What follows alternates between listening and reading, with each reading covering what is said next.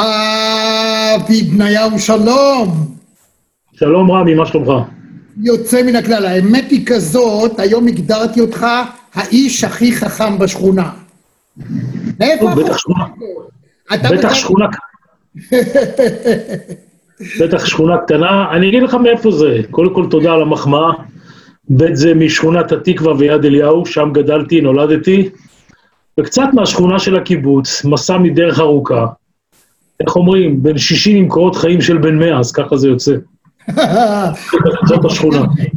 אני חושב שהגעת לקורות חיים כאלה מרשימים, היית יועץ לשני ראשי ממשלה, יועץ תקשורת לשני ראשי ממשלה, היית אה, דובר צה"ל, היית מפקד גלי צה"ל, אתה איש אה, יועץ תקשורתי מן באמת המעלה הראשונה. החדות שבה אתה מנתח מצבים זה דבר מדהים. אתה אומר שזה שילוב של קיבוץ ושכונת התקווה, אבל בכל זאת יש בזה גם מעבר לזה. מאיפה זה?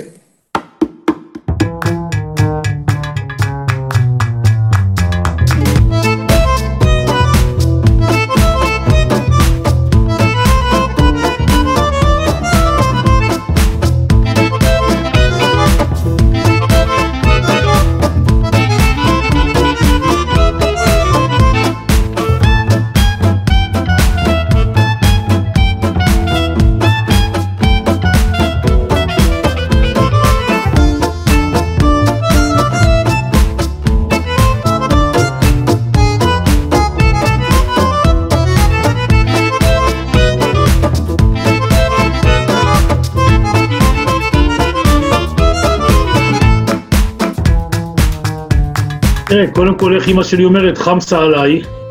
אה, שתיים, אה, שתיים, אה, תשמע, בחלק מהמקרים זה מתת אלוה, שכנראה ניחנתי בה. אין הרבה דברים שאני יודע לעשות חוץ מלדבר ולייעץ. אני לא יודע לעשות דק, ואני לא יודע לעבוד בחקלאות, ואני לא יודע לבנות, אבל עשיתי דברים אחרים, חשובים, גם בביטחון המדינה, גם לשדה המדיני, גם בתקשורת, ועכשיו קצת בשוק הפרטי. וחלק זה פרי אה, ניסיון אה, לא מבוטל, שרכשתי גם ב, בעיתונות ככתב צבאי, גם כפרשן צבאי, גם כמפקד גלי צה"ל, גם כיועץ, באמת, הזכרת שני ראשי ממשלה, רבין ושמעון פרס, זכרם לברכה, וגם של איציק מרדכי, ארבע שנים, אה, ארבע שנים כדובר צה"ל. באמת, יש פה הרבה מאוד ניסיון. הייתי גם דובר בשיחות שלום עם הפלסטינאים והירדנים ב-93-94, הייתי גם דובר במלחמות ומבצעים. חלקם מוכרים, אה, תקופות מרתקות באמת. התבוננתי מקרוב על שורת מנהיגים אה, דגולים, אה, גם בשדה המדיני-פוליטי וגם בשדה הביטחוני, ורכשתי באמת עם השנים הרבה מאוד ידע וניסיון. ואתה יודע, באתי כי לכאורה תמיד צבעתי את עצמי. שאני זוכר את היום שבו ראיתי את הדלת מול דלתו של יצחק רבין, וכתוב עליה יצחק רבין, ראש הממשלה ושר הביטחון, ועל הדלת ממול אבי בניהו, יועץ ראש הממשלה ושר הביטחון, ככה צבעתי את עצמי, אמרתי, אני, אבי בניהו, הבן של יעקב ולאה מיד אליהו, מה, מה אני עושה פה, איך הגעתי לפה בכלל? אלה באמת חוויות חיים שרכשתי עם השנים, והביאו לי באמת הרבה מאוד היכרויות, הרבה מאוד ידע, הרבה מאוד ניסיון והרבה מאוד uh, לקחים גם. ואני יכול להגיד לך שהרבה מאוד אנשים מאוד מוצלחים שאני ראיינתי ויצא לי לדבר איתם אה, בחיי, אה, יש להם את אותה תחושה של היעדר, הם לא מאמינים שהם הגיעו למה שהגיעו. מה שמוכיח בסופו של דבר שכל אחד יכול להגיע כמעט לכל מקום עם קצת רצון, קצת יכולת, איך היה כתוב על הקיר בצבא. אני אגיד לך, תראה, אני זוכר את היום הראשון שלי בלשכת שר הביטחון. זה היה ימים של כמעט 50 שנה למדינת ישראל. אני התמניתי להיות יועצו של יצחק רבין, והגעתי לשם ביום רביעי, שביום רביעי זה היה היום שרבין היה בירושלים. לכן הייתי במשרד הדי שומם, היו שם אני והמנכ"ל, נדמה לי, דוד עברי, ואני מסתובב לי במסדרונות, תמיד הייתי שם עיתונאי עם ליווי, פתאום אתה מסתובב חופשי, זה מעבר חד, ואני נכנס לחדר של השר, ועל הקיר התמונות של השרי ביטחון. אה, אני יודע, 15 שרי ביטחון. אשכול, בן גוריון, ופרס, ורבין, וויצמן וזה. ואני נכנס לחדר של המנכ"ל של משרד הביטחון, 21, 22 מנכ"לים. אתה נכנס לחדר של המזכיר הצבאי, 15 מזכירים צבאיים, ביועץ תקשורת גם כן איזה 15. ואתה פתאום מגלה שבפעם הראשונה יש כיסא במסדרון הזה למישהו שהוא מעדות המזרח, שהוא לא מהמייפלאואר. מישהו שגדל ביד אליהו, שההורים שלו באו מסוריה, שלמד בבית ספר מקצועי שבח בתל אביב, ואני אומר להם שאני לא אתחיל, אני לא אכנס לתפקיד שלי לפני שיש שעתיים של ג'ים באולפן עם יואב קוטנר, אבל עם איציק קאלה, ירושלים. ממקום לא ברור, והבנתי שיש לי גם מהמקומות האלה, יש לי גם שליחות בעניין הזה, ואני שמח שעשיתי את כל התפקידים האלה, הם נתנו לי באמת זווית מרתקת, להסתכל על המדינה, על ארץ ישראל המתפתחת, על ענייני ביטחון, על ענייני שלום, על מאבקים אישיים, על באמת, על קודש הקודשים, אני הייתי דובר צה"ל, ששיקמנו את צה"ל ממלחמת לבנון, שתקפו את הכור בסוריה, שהיה את המרמרה, שהיה פרשת תרפ"ז, פגיעה באנשים שעוד אי אפשר לדבר עליהם, מבצעים באמת מורטי שערות, ואתה יושב בחדר וצובט את עצמך שאתה שם, או בכלל שאתה חבר במטה הכללי, אחד השולחנות הכי חשובים של המדינה, וכל הזמן ידעתי להודות, א', להוריי, וב', לבורא עולם, שבאמת הוביל אותי בדרך הזאת ונתן לי את ההזדמנויות האלה. זה מדהים לשמוע אותך, מונולוג שעשוי בצורה... זהו, יש לך את זה מבפנים, היכולת הזאת לעשות את זה בצורה תיאטרלית יפה, מושכת, אפילו אי אפשר לעצור אותך, אבל אפרופו שאתה מספר על צילומים על הקיר, אתה בא ממחנה, היית בעל המשמר אם אני לא טועה, זאת אומרת, אתה בא והיית היועץ של שני ראשי ממשלה מן הצד המאוד ספציפי של המפה, שם, במחנה הזה, כל רבע שעה, מי שנבחר לעמוד בראש המחנה, מיד מעיפים אותו. אם היית, אם תקפוץ את המצודה, תראה על הקיר ארבע תמונות של ראשי... ארבע תמונות, את בגין, את שמיר, את אריק ואת ביבי נתניהו. זה ההבדל. אני הלכתי לקיבוץ בגיל 16 ונחשפתי לעניינים הפוליטיים דווקא אולי אחרי הצבא, כשהייתי במשלחת של המדריכים הבוגרים בשומר הצעיר, הייתי גם דובר השומר הצעיר. זה התפקיד הראשון התקשורתי שלי, שהטילו עליי להיות הדובר של ה... שרוך לבן. כן, שרוך לבן. ושם הייתי הולך קצת למרכז מפ"ם ולוועד הפועל של הקיבוץ הארצי, ואני דווקא זוכר משהו אחר, אני זוכר את חייקה גרוסמן כזאת, עומדת על הבמה בגבעת חביבה ואומרת, חברים, אינני רוצה להיות שרה, אינני מבקשת להתמיד דבר, אבל החברים לוחצים עליי, והלחץ עליי הוא כבד... הייתה שרת בריאות, לא? ואני קניתי את זה, רמי. הייתי מסתכל עליה בהרצה, איך היא לא רוצה להיות שרה, ולוחצים עליה, לחץ התנועה ודין התנועה וכל מיני כאלה. לאחר מכן התחלתי להיחשף קצת באמת למפלגת העבודה. זה התחיל עוד בתקופה ששמעון פרס ויצחק רבין עמדו בראש המפלגה ואחרים, אבל אני זוכר מצוין שיחה שהייתה לי עם פואד בן אליעזר, שהתמנה, זיכרונו לברכה, שהתמנה להיות ראש מפלגת העבודה בשר הביטחון. הוא קרא לי לפגישה, ואמר לי, אבי, התמניתי למפלגת העליון, מפלגת העבודה, כתוצאה מזה לשר ביטחון. אני צריך שתעזור לי כמה שאתה יכול להצליח. אני יודע שהם יגלו מהר מאוד שהם עשו טעות, שהם בחרו מישהו כמוני. אין לי הרבה זמן, לדעתי תשעה, עשרה חודשים עד שהם יחליפו אותי, והוא צדק הבחור, פשוט צדק. אותו דבר מצנע ואבי גבאי ואחרים. טרגדיה, פשוט טרגדיה. מה, הכל בגלל מזרחים? אתה חושב שזה כאילו... לא, לא, לא, לא, לא. הם עשו את זה גם למצנע, ועשו את זה לשלי יחימוביץ', ועשו את זה לכולם. כן. זה בתוך ה-DNA של המפלגה. אתה, אתה מגיע להיות uh, יושב ראש המפלגה, אתה שכיר של איזה 5,000-6,000 איש, שהם המועצה, ויש לך הנהלה של עשייה. אתה עובד אצלהם, לא הם אצלך, ואתה צריך לספק להם תוצאות כל יום בריבונים, ומיד אחרי הסקר הראשון הם אומרים לך, בוז'י או פואד או שלי לא ממריאים, ומתחילים להזין את העיתונות הפוליטית, וככה הם משמידים את כל מי שעומד בראשם בתקווה להחליף אותו. אז באמת לא נותרו כבר מועמדים. אני זוכר, אני יכול לספר לך, הייתי מעורב בכמה ניסיונות בפגישות של גבי אשכנזי, שניסו לשדל אותו לבוא למפלגת העבודה. הוא ישב עם כל ותיקי המפלגה, באיזה אחת הפגישות אפילו הייתה אצלי במשרד. והוא לא הצליח, באופק שלו הוא אה, מושבניק, הוא מושב חגור, הוא באמת איש תנועת העבודה, או מרכז, הזרם המרכזי של תנועת עבודה. לא הסכים להתקרב לשם בכלל.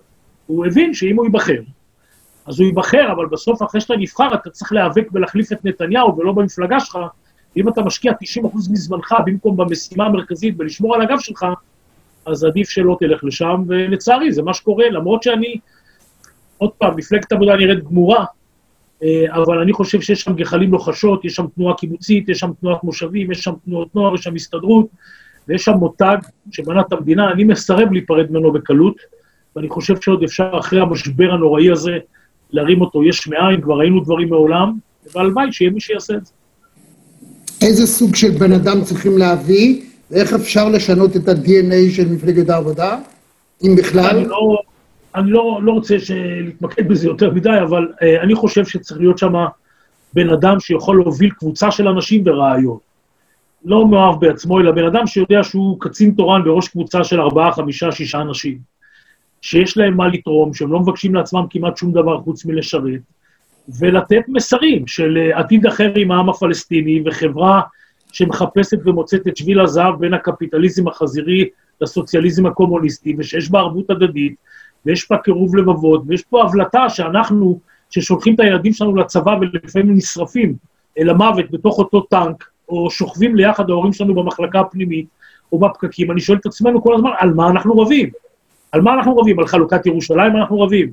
אנחנו מתווכחים על אה, האם לרדת מהגולן או לא, האם לחלק את יהודה ושומרון, על מה אנחנו רבים? על המדיניות המוניטרית של בנק ישראל.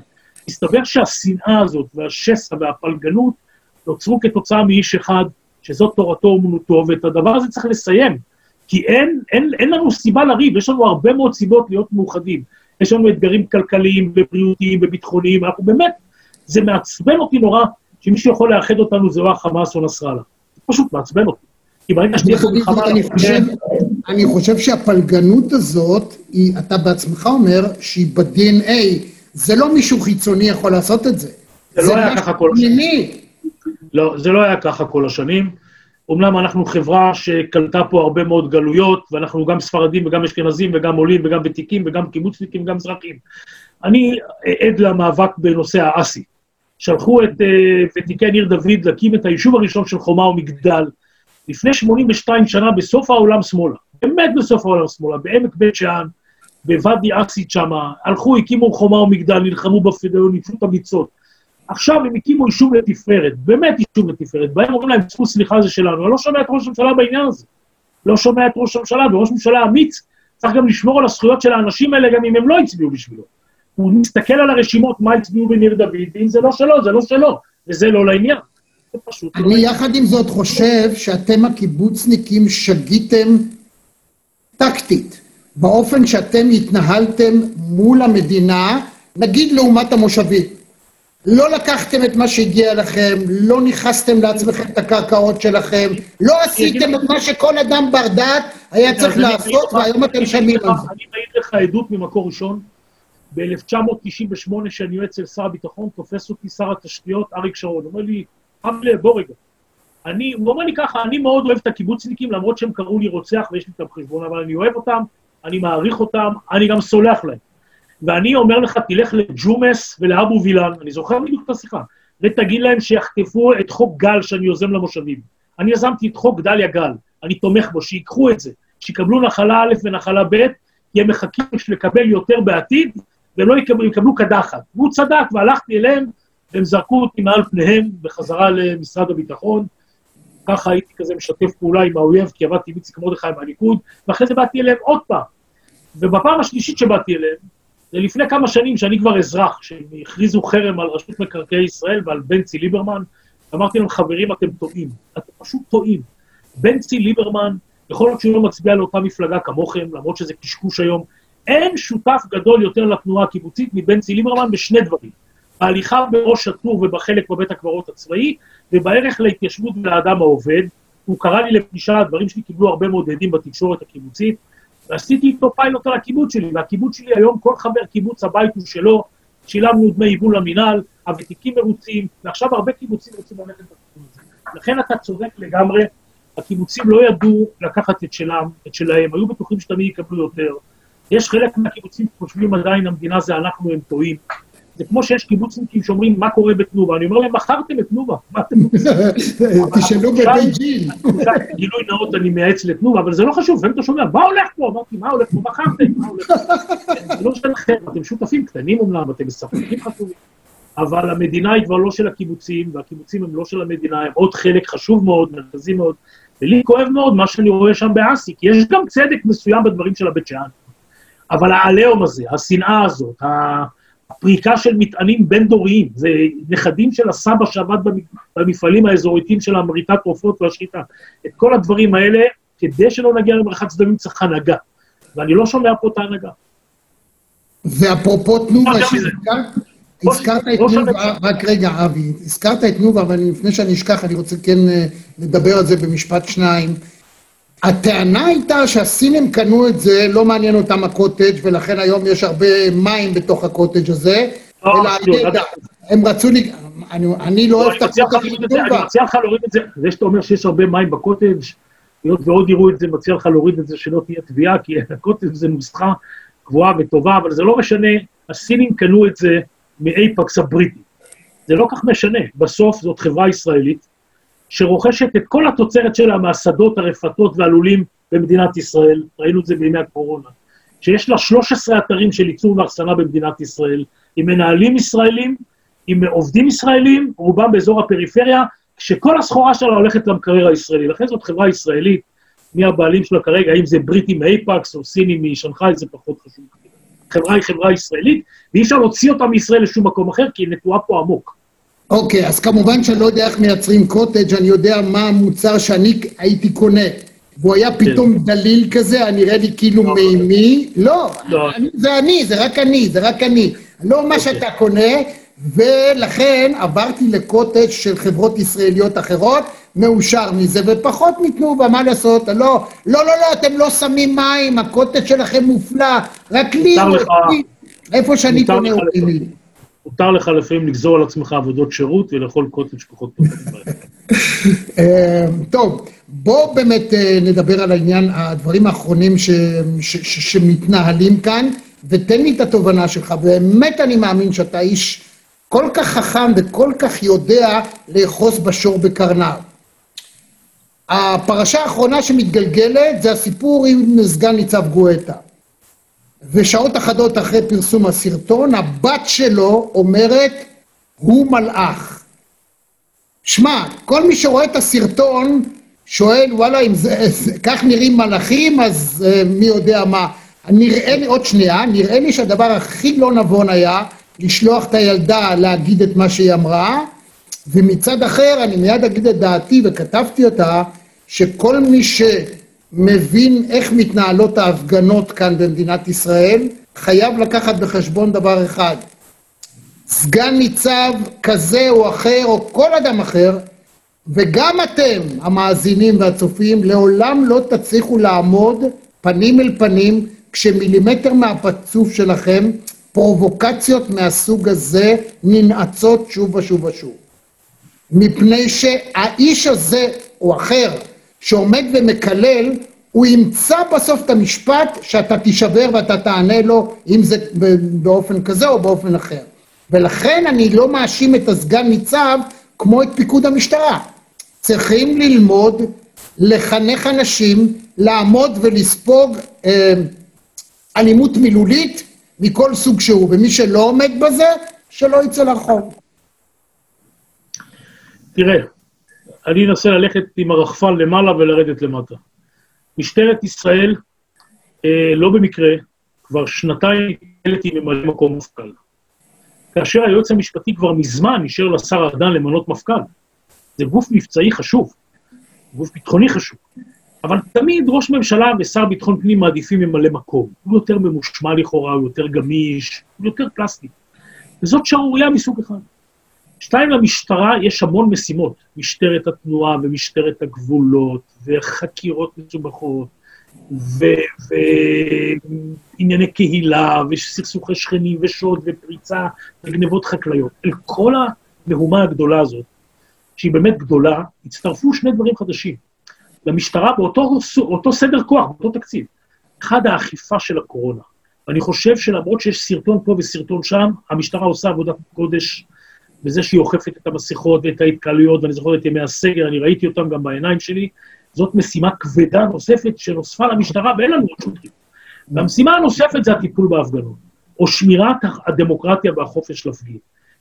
תסתכל כמה הפגנות יש פה. יש הפגנות על הקשרים, יש הפגנות בצמתים, יש הפגנות בבלפור, יש הפגנות כרבין, יש הפגנות אה, להזדהות עם הבחורה שנאנסה אתמול בכמה מוקדים, והיום בכמה מוקדים, ויש הפגנות בקיסריה, והמשטרה צריכה להיות אחראית על הדבר הזה, ובגדול אני נותן לה ציון גבוה. על החופש להפגין, זה שהיא ניצבת מול השר ומול ראש הממשלה ואומרת, אני מאשר את ההפגנות, אני אבטח את ההפגנות, וטפו טפו, אין שם שום נפגעים והרוגים בנפש וכן הלאה. אבל מה המפגינים רוצים מהשוטרים? אנחנו כן, עדים. אני לתופעה אענה לך, אני אענה לך, שערורייתית. אני אענה לך, אני אענה לך. אוקיי. חלק מהשוטרים, בגלל שורת אה, התבטאויות לא מוצלחות של ניצב ידיד, ובעקבות שורת מקרים נוספים, המשטרה קיבלה שלא בטובתה תיוג של משטרת נתניהו או משטרת אוחנה וכל מיני כאלה. גם האמירות של השר אוחנה כלפי המשטרה, שהוא תובע מהם להיות יצירתיים, לאתגר את הבג"ץ, כל מיני דברים כאלה נתפסים. העובדה ששמעתי אתמול את כרמי גילון, שמספר שהוא ישב שם במאהל וביקשו מהם שוטרים לכסות את השלטים בסדינים, כי אולי ביבי יעבור שם בדרכו למפגינים של הליכוד.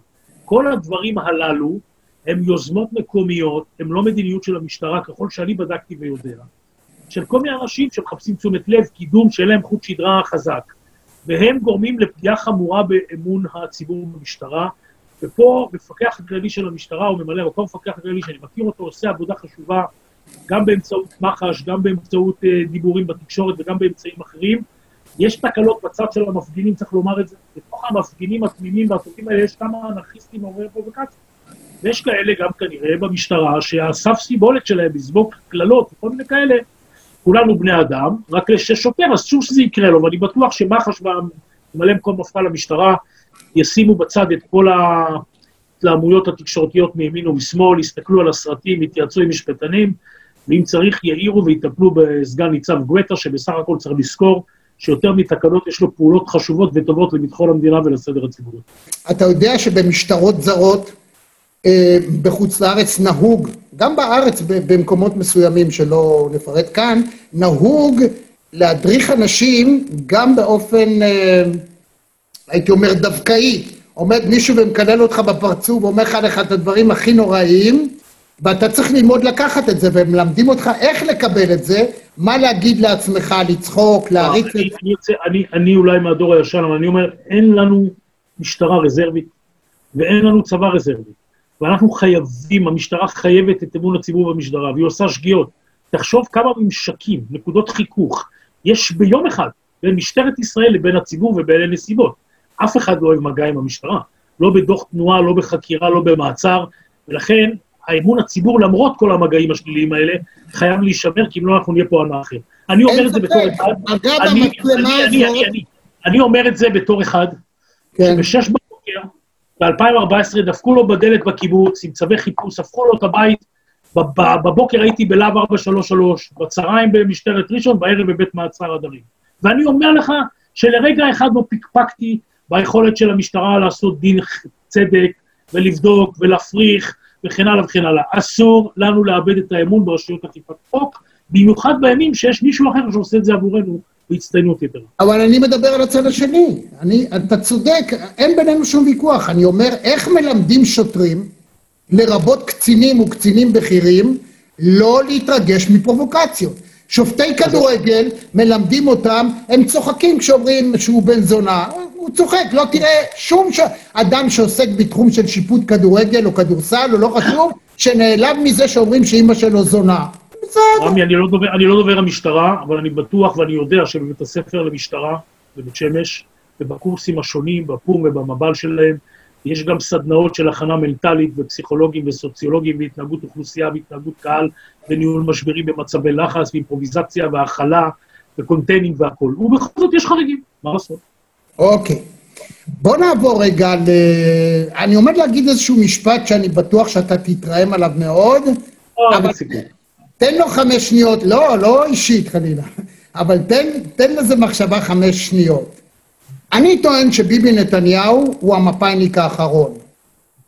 בעצם כל ההתנהלות שלו היא מפא"יניקית, וכל אלה שהולכים לבלפור ורוצים להעיף אותו, קחו בחשבון שמי שלא יבוא אחריו, יהיה יותר ימני, יותר קיצוני לדעתכם, יותר הכל, ואלמלא הוא, כרגע היה פה תוהו ובוהו אמיתי. אף אחד לא, היה- אף אחד לא יכול להסתובב ברחוב בשקט. קודם כל בוא נאשר את דבריך. אני הייתי יועץ של רבין ושל פרס אחריו, זכרם לברכה, וישבתי בחדר הדיונים המצומצם, כשעלה הסיפור של החזרת העיר חברון. לפלסטינים, או חלוקת חברון. זה קרה אחרי שכבר החזירו את טול כרם ואת ג'נין ואת רמאללה ואת שכם ואת, אה, ואת יריחו, ונשאר רק חברון. שם היה קושי בגלל היישוב היהודי. ונתניהו ב-96 עשה קמפיין שהוא לא יחזיר את חברון, והוא כתב מכתב התחייבות בעיתון של כפר חב"ד, הוא השתמש בכספים של פנחס גוטניק, מבית גוטניק בחברון, עשה לו קמפיין ביבי טוב ליהודים, ואני ראיתי אותו, ראיתי את רבין ופרס מתחמקים מהחזרת חברון, וראיתי את ביבי נכנס, שותה כוס קפה, מעשן סיגר, ומחזיר את חברון. וראיתי אותו מחזיר את השייח' אה, הנכה מירדן, אחמד יאסין, אחמד יאסין. נכון, אחמד יאסין, וראיתי אותו נותן לירדנים עוד 50 מיליון קוב מים בכנרת, וראיתי אותו בוואי מוותר על החזון של שתי מדינות, של שתי גדות הירדן, וראיתי אותו מדבר על חזון שתי המדינות, שהוא חזר אליו עכשיו, אפרופו מתווה אלג'יר, אומר לנו טראמפ שיש מזל, זה נכון. למרות זאת, אני נמנה לאלה שסבורים שבנימין נתניהו צריך ללכת הביתה מכמה סיבות. סיבה אחת, אני בא מהצבא ומהקיבוץ, אתה יכול להיות מפקד חיל האוויר הטוב ביותר בתולדות המדינה. ראש המוסד האולטימטיבי, אתה תהיה ארבע שנים, לכל היותר חמש שנים ואתה תלך הביתה. אתה יכול להיות מנהל הרפת הכי טוב בעולם, אתה אחרי ארבע-חמש שנים הולך הביתה. וזאת למה? משלב מסוים, בעמדות כוח, אתה מתחיל לאהוב את עצמך, את הרעיונות שלך, את המינויים שלך, את האמירות שלך ואת השגיאות שלך. אתה פשוט מאוהב בשגיאות שלך. ובנימין נתניהו כבר יותר מדי שנים, ב-96' הוא עוד היה ראש ממשלה. זה אחד. שתיים, אני יכול לתת לו ציון גבוה על מדינאות, ועל יכולת פרזנטטיבית, ועל פוליטיקה, ועל כלכלה. אני חושב שהוא הולך הביתה בגלל השסע, הפלגנות, ההסתה, ההמרדה של הציבור. משהו הפך את מדינת ישראל לאחד שונא את השני, לביביסטים ולא ביביסטים. אני חושב שהבן אדם אה, אה, הוליך אותנו שולל בהרבה דברים. אני חושב שהוא מנסה בימים הללו, חודשיים אחרי שהוא חתם על הסכם, להימלט גם מהרוטציה וגם מהמשפט, הוא לא מתכונן למשפט כמו שצריך להתכונן למשפט. ואני חושב שהאיש הזה צריך ללכת הביתה, וכשהוא ילך הביתה, אם הוא יתנהג יפה, גם צריכים אזרחי מדינת ישראל לעמוד בצדדים ולמחוא לו כפיים על מה שהוא עשה, למרות הכתבי אישום שיש לו. הוא צריך להתחלף. עכשיו, יבואו ויגידו לי, שמע, יכול לבוא במקום הפרגמטי הזה, שהיטבת לתאר אותו, שהוא אגב, אני מעריך לו הרבה מאוד, אה, נותן לו הרבה מאוד כבוד גם על היכולת שלו אה, להפגין אחריות בהפעלת אה, כוח צבאי. צריך לומר את זה, הוא לא מסתובב עם, מאוד. נגיד, חיים שהכרתי עם חבית חומר נפץ וגפרורים. הוא מקבל פה ציון גבוה, בענייני ביטחון אני די סומך עליו. למעט מה שהוא עשה עם הצוללות עם העקיפות, ועכשיו עם ה-F-35, שולח את ראש המעלה למפקד חיל האוויר, זה כל מיני ניסיונות ליצור אליבי, אבל בגדול, שיש אירועים בצפון ובדרום, יש הרבה דברים שהציבור לא יודע, אני די סומך עליו באינטראקציה שלו עם הרמטכ"ל, אבל יש הרבה מאוד סיבות אחרות שבגללם הוא צריך לפנות את מקומו, ויכול להיות שיבוא במקומו איזה אידיאולוג ימני. נו, אז מה? ראיתי אותם. בגדולתם, בדיבורם ובמעשיהם. הם יושבים על הכיסא של ראש הממשלה ושר הביטחון. הם מתחילים לראות את המפה של סעודיה, מצרים וירדן, הם מתחילים לקרוא חומר מודיעיני, הם מסתכלים למעלה, הם רואים שאין מאחרים אף אחד, ואז הם אומרים, מה שרואים מכאן לא רואים משם. אני לא חושש מהדבר הזה. מדינת ישראל צריכה מנהיג ישר דרך, אמין, שיודע לחבק ולחבר וללטף ולפייס, ולהוביל את מדינת ישראל להתמודד עם האתגרים שלה, הבריאותיים, הכלכליים, החברתיים והביטחוניים, ואלה רבים וגדולים בעשור הקרוב. הגענו להישגים אדירים. אבל חומרי התבערה לחורבן בית שלישי אה, מסתובבים פה באוויר, מספיק כמו גפרור אחד כדי שיהיה פה עוד רצח, וזה אסור שיקרה. כשאנחנו מסתכלים על שלושת הרמטכ"לים שהיום בכנסת, שניים מהם בעמדות בכירות ואחד מספר שתיים של כתב במחנה, אני שואל את עצמי, האם זה באמת עד כדי כך נחוץ? כשאני מסתכל על העולם כולו, אני רואה אתה יודע, באיטליה היום אה, הנשיא זה אחד שהיה סדרן בנאפולי, הגברת אה, ראשת הממשלה של ניו זילנד, הקנצלר של אוסטריה, אפילו טראמפ ש, שבא מכלום ושום דבר בענייני פוליטיקה, איסלנד, איפה שלא תסתכל, תראה ב, ב, בסקנדינביה. מה באמת מדינה כמו ישראל צריכה לקבל אחרי ביבי, ולא משנה מתי הוא ילך? תראה, אני אגיד לך ככה. אתה מדבר עם אדם שכתב לא אחת ששרי הביטחון הטובים ביותר של מדינת ישראל, אה, תמיד אני אומר, חוץ מאיציק מרדכי, שאני באמת מעריך אותו ועבדתי איתו, אלה היו דוד בן גוריון, משה ארנס, ואם תרצה אפילו עמיר פרץ. כשאני מסתכל מה הוא עשה בתקופה קצרה, עד שהדיחו אותו, או שהוא עזב, הוא עשה גם את כיפת ברזל, גם מינה רמטכ"ל טוב, את גבי מינה מנכ"ל טוב, את פנחס בוכריס, עשה את גדר הגבול עם מצרים, ואפילו במלחמת לבנון השנייה, שאני מעמיק בדוח וינוגרד, הוא פעל כשורה. אבל המלחמה טרפה אותו ביחד עם האחרים. מה אתה מדבר? אשמים מי שנתנו לו להסתכל על המשקפת ולהוריד את זה. שניות, אני יכול לספק לך, כמי שאחראי על הארכיון של אה, דובר צה"ל, עשיתי בדיקה, יכול לספק לך אין ספור תמונות של מנהיגים שלקח להם דקה להוריד את המשקפת. זה לא, בסוף מדובר במ"פ בצנחנים, מפקד פלוגת החיבור של הצנחנים. אתה רואה אבל מה נדבק? זה מה שנדבק. זה שטויות, זה עולם של דימויים. אם אני אביא לך תמונה של רבין עם הדבר הזה, אז מה? ואחרי שנייה מורידים את זה, מישהו פה... זה סתם התעללות, אבל אה, ככה נכון. אנחנו... אה, זה לא אומר שום דבר על התבונה שלו, צריך הרבה מאוד אומץ כדי להיות שר ביטחון, ולהגיד, שמעתי אותך רמטכ"ל, שמעתי אותך המנכ"ל, החלטתי בניגוד לדעתכם. עשה את זה המון ארץ. הקים פה את אה, מפקדת חילות השדה בניגוד לעמדת צה"ל, ואת פיקוד העורף בניגוד לעמדת צה"ל, ואת החץ בניגוד לעמדת צה"ל, ואת הלוויין הצבאי בניגוד לעמדת צה"ל, ועוד הרבה מאוד דברים טובים וחשובים, שלא לא עשו אותם מה זה. אין חובה שבראשות מדינת ישראל יעמוד רמטכ"ל. מה טוב ברמטכ"לים? רמטכ"לים הם אה, אנשים שיודעים לשרת, יודעים לדבר עם אנשים, מבינים בחשיבות של אנשים, יודעים לחבר, יודעים לנהל משברים, יודעים מה זה אחריות, אנשים שעומדים על תלולית עפר. אה, בהיותם בגיל 22, כדי לספוד לפקוד שלהם בן 18 וחצי שנפל בקרב, אין מסע כבד מזה באחריות. וככל שאתה בוגר ויש לך אחריות, אתה לומד הרבה מאוד דברים, לא רק בביטחון, אלא גם במדינאות וגם בפוליטיקה, וגם בהכרה במגבלות הכוח. לכן חלקם היו מוצלחים יותר, כמו תרצה רבין, או דיין, או שרון, או היו המון רמטכ"לים. יש עוד דבר, אני מאמין שאין קיצורי דרך, בסדר? אני מקווה שלא ישמעו אותך הרבה, אבל רבין התחיל כשר עבודה, ואהוד ברק כשר פנים, ורפול כשר חקלאות, ומוטה גור כשר בריאות, ואני יודע מה, ותלך הלאה, ובוגי כשר ללא תיק, וחיים בר-לב בתור שר הדואר או העבודה, וכן הלאה וכן הלאה. אין מקרים שבאו ישר למעלה, אפילו אהוד ברק עשה סיבוב קטן, משהו לא רגיל. ופה נוצר מצב שבני גנץ, אה, שהתייצב, לא חלם שהוא יהיה עם 35 מנדטים, חושב שיהיה עם ארבעה, אחרי זה עם שבעה, אחרי זה עם 12, פשוט ניקז אליו ועמד בפני מצב של אין ברירה, ואני חייב לומר שהסתגל מהר מאוד להוכיח עקומת למידה עם כל הטענות שיש אליו, ואני ער לכולם, אני חושב שהוא אדם טוב ומוחשב להיות ראש ממשלה אה, מצוין. אבל בדרך כלל אין קיצורי דרך, ורצוי שאתה תהיה חבר קבינט ותדע מה זה ועדת שרים לחקיקה, ומה זה קריאה ראשונה וקריאה שנייה, ואיך מחזיקים קואליציה, ואיך בונים קואליציה, ואיך מתקשרים עם הכנסת, ואיך אתה מחלק את הקשב שלך בין הנשיא טראמפ לבין אה, נשיא בנגלדש, לבין ראש עיריית קריית שמונה שמחפש אותך, לבין אה, ראש סניף כפר סבא ומזכיר קיבוץ שפיים. אז הנה שאלה קשה. עשית שאלה קשה, אני אומר, אין צורך, אין חובה שיעמדו רמטכ"לים בראש הדבר הזה, כן. אבל הם אנשים טובים שמעשירים את ה... מעשירים את זה. עכשיו תראה, כחול לבן בתוך הממשלה, אני אומר לך שאם הם לא היו שם עכשיו שני הרמטכ"לים האלה, ביבי היה עושה כרצונו, היה ממלא מפכ"ל, ממנה מפכ"ל החלומות שלו ואת פרקליט החלומות שלו, ומבטל את המשפט שלו, ועושה מה שהוא רוצה בכל דבר ועניין. ואני חושב שזה שהם בפנים, בעמדת השפעה, תמיד שהיה סיכון הם שמו את עצמם קדימה בצבא, וככה באזרחות. מה, הם לא ידעו שישלמו מחיר פוליטי כבד? הם ידעו. הם רצו למנוע בחירות אה, רביעיות, הם רצו למנוע את הסיפוח, והם הצליחו בדבר הזה. כי סיפוח פוגע בביטחון, פוגע ביציבות האזורית, פוגע בעתיד עם הפלסטינאים, לא עושה שום דבר טוב. והם מחויבים לביטחון המדינה וליציבות, הם לא מחויבים למורשת בית אביו של נתניהו. אז הם מנעו את הסיפוח, בעצם מניעת הסיפוח הם אפשרו את מה שקורה עם האמירויות, למרות שהוא הסתיר את זה מהם. ועכשיו הם מונעים ממנו לשנות ולו תג ופרט אחד קטן בכל מה שקשור לשימור שלטון החוק והפרקליטות וכל הדברים האלה. והוא אה, מעוניין, מעוניין לעצב לעצמו את הארכיטקטורה המשפטית שתכאב לו, עם מפכ"ל ויועץ משפטי ופרקליט, שיבדקו וייצאו בדוח שכל התיקים נתפרו לו וכל המדינה, המדינה שום דבר, ומנדלבליט לכלא, ושי ניצן לכלא, והמפכ"ל לכלא וכן הלאה. אני אומר את זה קצת בהגזמה. לכן חשוב שהם שם. אני ראיתי את שניהם במדים. אה, הייתי יועץ שלהם, הייתי דובר שלהם. ראיתי אותם מתיישבים על מערכת הבלמים שצריך.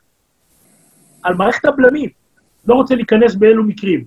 ואני חושב שעכשיו שהם גם ליד ההגה, אבל גם אם הוא מזיז אותם קצת מליד ההגה ומליד הגז, לי ולך חשוב שהם יהיו ליד הבלמים, הם שם ובגדול.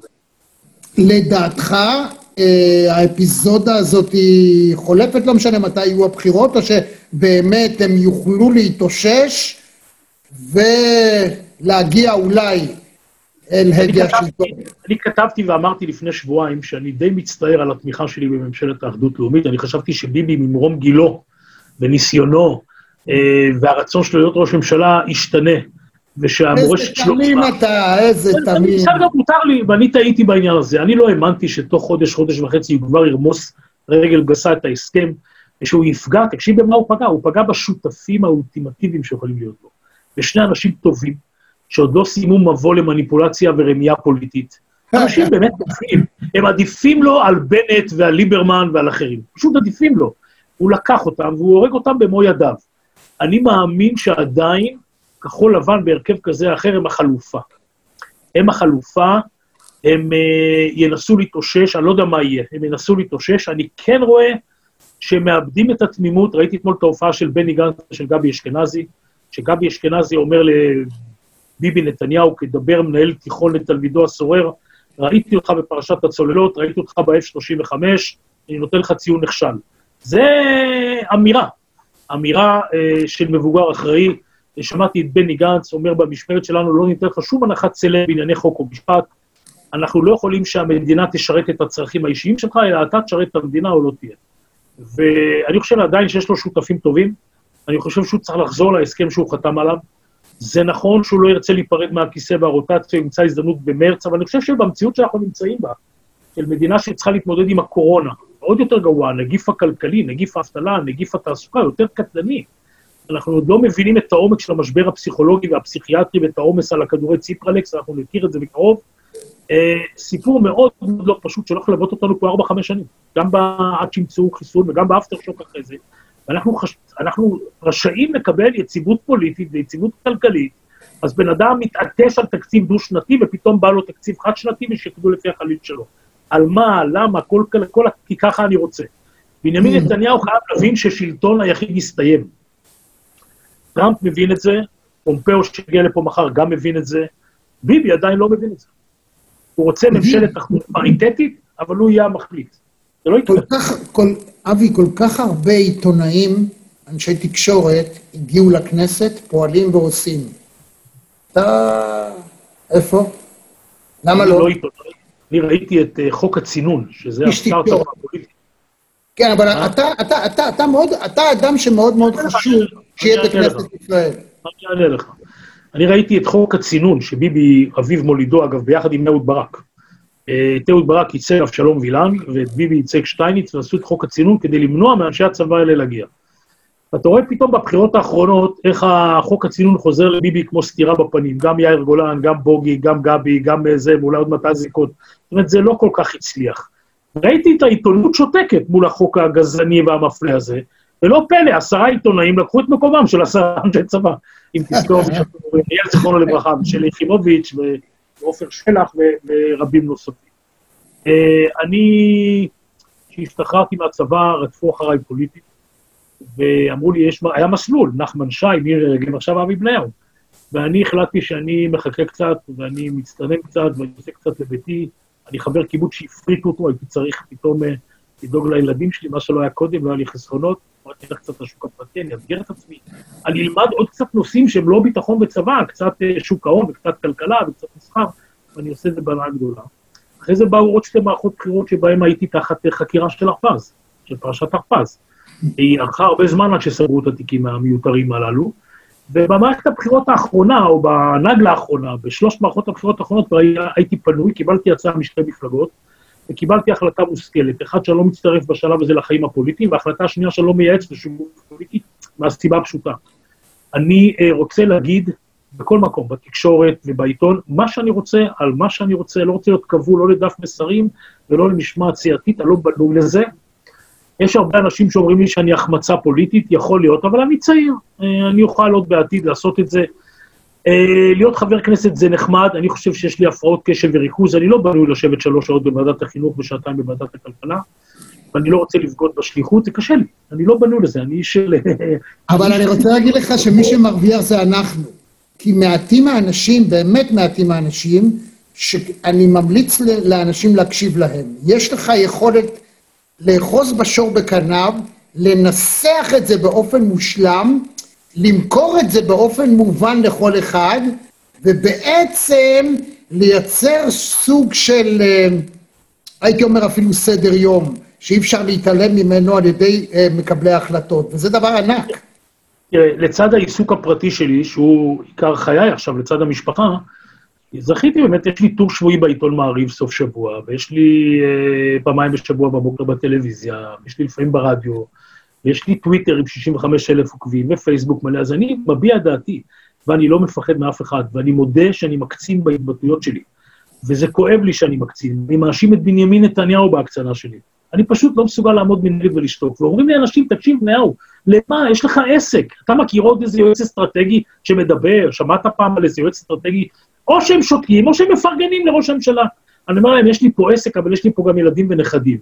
לא מעניין אותי, אני פשוט רוצה להגיד את מה שאני רוצה, להשמיע את דעתי בקול גדול. אני משתדל להיות מנומס, אני משתדל להיות מנומק, אני משתדל, אני לא מסוגל להוציא מהפה שלי, סליחה על הביטוי, המושחת מבלפור. ביבי נתניהו גם ראש הממשלה שלי, אני תמיד הסתכלתי על אהוד ברק, אמרתי, איך האיש הזה, שהיה ראש ממשלה ושר ביטחון ורמטכ"ל, איזה שפה הוא מוציא מהפה שלו, אני לא מסוגל להוציא את זה ממני. יש לי כבוד לראש הממשלה, יש לי רק לראש הממשלה, למרות שאני מבקר אותו, ואני מודע לזה שבחודש, חודשיים האחרונים אני מקצין, אני לא לבד בעניין הזה, ואני מאשים, אני די מאשים את ביבי בעניין הזה. יכול להיות שביום אחד תסתובב לי הגויאבה, ואני אסגור את המשרד, ואני אגיד למשפחה, חבר'ה, ביי, ואני אלך לעשייה פוליטית, יכול להיות שבצורה של חבר כנסת, יכול להיות בצורה של עובד ציבור מצד אחר, אה, במקום אחר, אני לא יודע מה, הציע לי פעם ביבי להיות ראש הסגל, אני לא יודע אם אתה יודע את זה. בנימין נתניהו הציע להיות ראש הסגל במשרד שלו, ועבד על זה קשה, ונפגש עם הרמטכ"ל שישחרר אותי. אתה יודע מה, החלטת טוב שלא עשית, כי אני רואה מה קרה לכל ראשי הסגל שלו, לא משהו. אני חייב להגיד לך שדווקא אני, אחרי כמה שעות של שיחה איתו, זה היה בבית בקיסריה, בבית של השכן אה, ליאון אדרי, זיכרונו לברכה, ועוד שיחות אצלו בפטיו, אמרתי לו, אדוני ראש הממשלה, אני קצין בצבא, אני מוכן, סגור עם הרמטכ"ל, מי שהרג את זה זה גבי אשכנזי, שלא הסכים בשום פנים ואופן, היה ביניהם מריבה לא פשוטה לעניין הזה. אה, יכול להיות שזה טוב, יכול להיות שזה רע, אני הסכמתי ללכת אחרי שהכרתי אותו כבר, אומנם הוא השתנה בשנים האחרונות, אבל אה, אני חשבתי שיש לי יכולת אה, לאזן, לתעל, למתן, להוביל בדרך אחרת, גם מול מערכת הביטחון וגם מול התקשורת וגם מול הפוליטיקה, אבל סדרן העבודה שיושב במרומים הוביל אותי בדרך אחרת. הנה ו... שאלה קשה, אבי, קח שאלה קשה. אתה מכיר אותו טוב, יש לך זמן ביבי. מה באמת מסתובב לו בראש? כאילו, מה...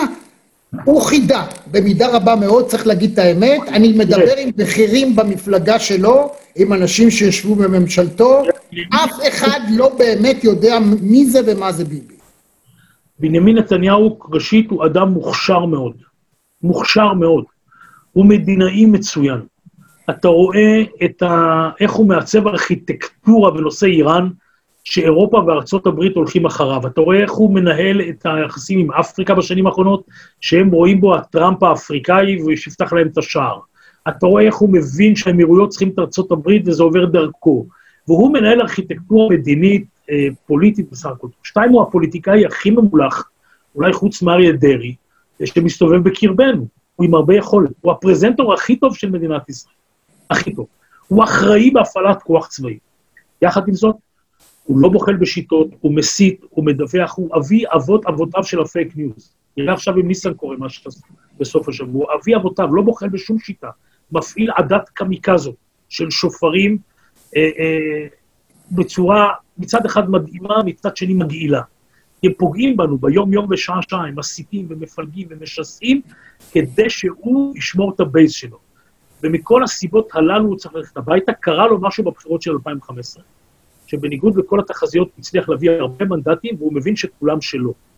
ובנוסף קורה לו משהו שאמרתי לך, שהוא נמצא הרבה שנים בתפקיד, המדינה זה הוא והוא זה המדינה. אתה באמת אחרי 20 שנה, יכול להיות שיש לך אה, זכויות בבלפור, בדירה, אפשר לקחת לך אותן, לא צריך את החוק. יכול להיות שאחרי הרבה שנים אתה דייר מוגן, והוא מבין שהוא דייר מוגן כי המדינה זה הוא והוא זה המדינה, והוא תרם לנו הרבה יותר משתרמנו לו. הוא לא מבין מה רוצים לו עם כמה סיגריות וכמה מתנות מחברים וכמה פה וכמה שם. ויש בתיק, בתיקים שלו, יש גם כמה דברים מאוד מאתגרים את מערכת המשפט, אני מודה בעניין. לפחות בכל החיים שלו. עכשיו אני... הוא מאוהב בעצמו, הוא מאוהב ברעיונות שלו.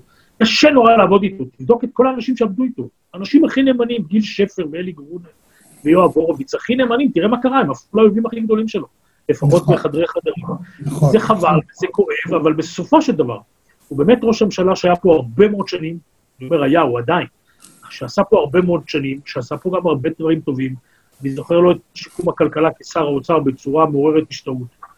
אה, אבל בסוף, בסוף, בסוף, אה, Game is over. הסכמת, אה, הזכרת את הפייק ניוז. רק היום הזה אתה יודע, ספרו לטראמפ בשנה הראשונה שלו, ספרו, יותר משלושת אלפים שקרים בוטים, פייק ניוז, שהבן אדם הזה צייץ בעצמו. הוא בטוויטר הפרטי שלו אפילו לא יכול לייחס את זה לאיזה עוזר, שר, דוברת, אני יודע מה. הוא בעצמו בטוויטר הפרטי שלו יותר משלושת אלפים שקרים.